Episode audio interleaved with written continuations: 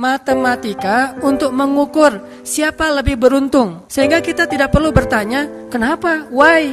Saya udah hijrah kok makin susah hidup saya? Dunia itu, akhirat enggak? Kalau kita mengukur amal kita hanya dengan dunia, kita bakal sering kecewa karena Allah tidak menilai dunia ini bahkan lebih ringan daripada sebelah sayap nyamuk. Seandainya kata Nabi dunia ini di mata Allah ada harganya, pasti Allah nggak mau ngasih dunia kepada orang yang tidak beriman, nggak mau. Berhubung dunia ini tidak ada nilainya, Allah kasihlah kepada orang yang tidak beriman. Sedangkan yang bernilai Allah simpan untuk orang yang beriman dan sabar.